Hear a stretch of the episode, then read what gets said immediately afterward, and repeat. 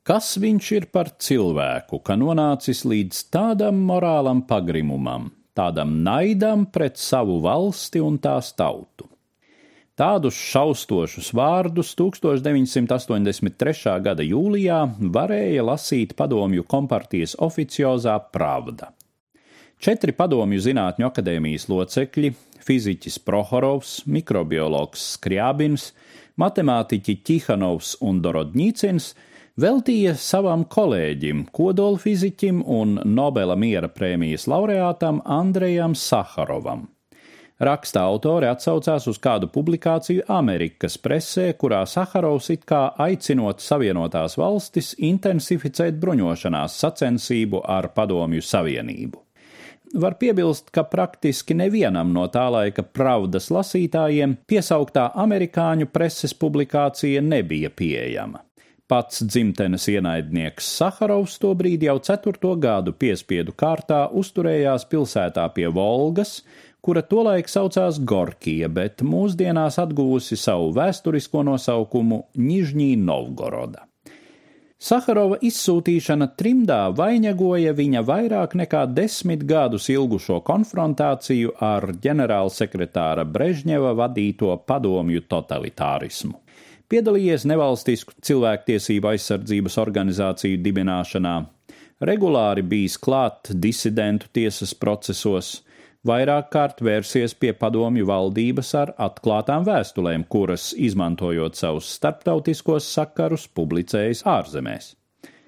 Šais tekstos Saharovs aicināja amnestēt Staļina represiju upurus, kā atsevišķus individus, tā atjaunot tiesības veselām represētajām tautām padarīt atklātas tiesas prāvas, ieviest padomju savienībā preses brīvību, ļaut padomju pilsoņiem brīvi izbraukt no valsts, mainīt agresīvo padomju ārpolitikas kursu, atcelt nāves sodu un tā tālāk.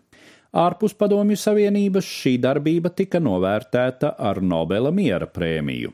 Padomju zemē ar gānīšanu presē no varas puses un neoficiāla disidentisma līdera lomu režīma pretinieku acīs. Zīmīgs ir uzraksts latviešu valodā Saharovs mūsu sirdsapziņa, kas bija lasāms Rīgas piepilsētas elektrovilcienu vagonos 1976. gadā.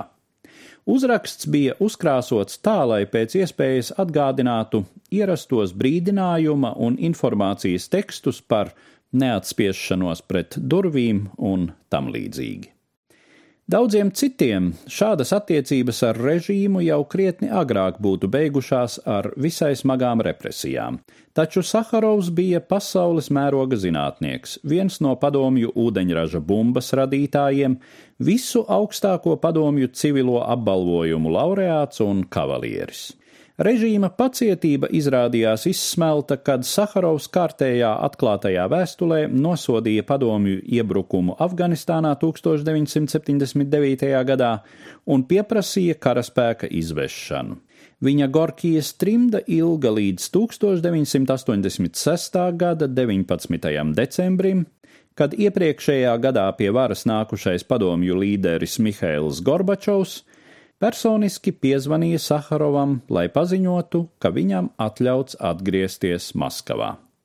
Stāstīja Eduards Liniņš.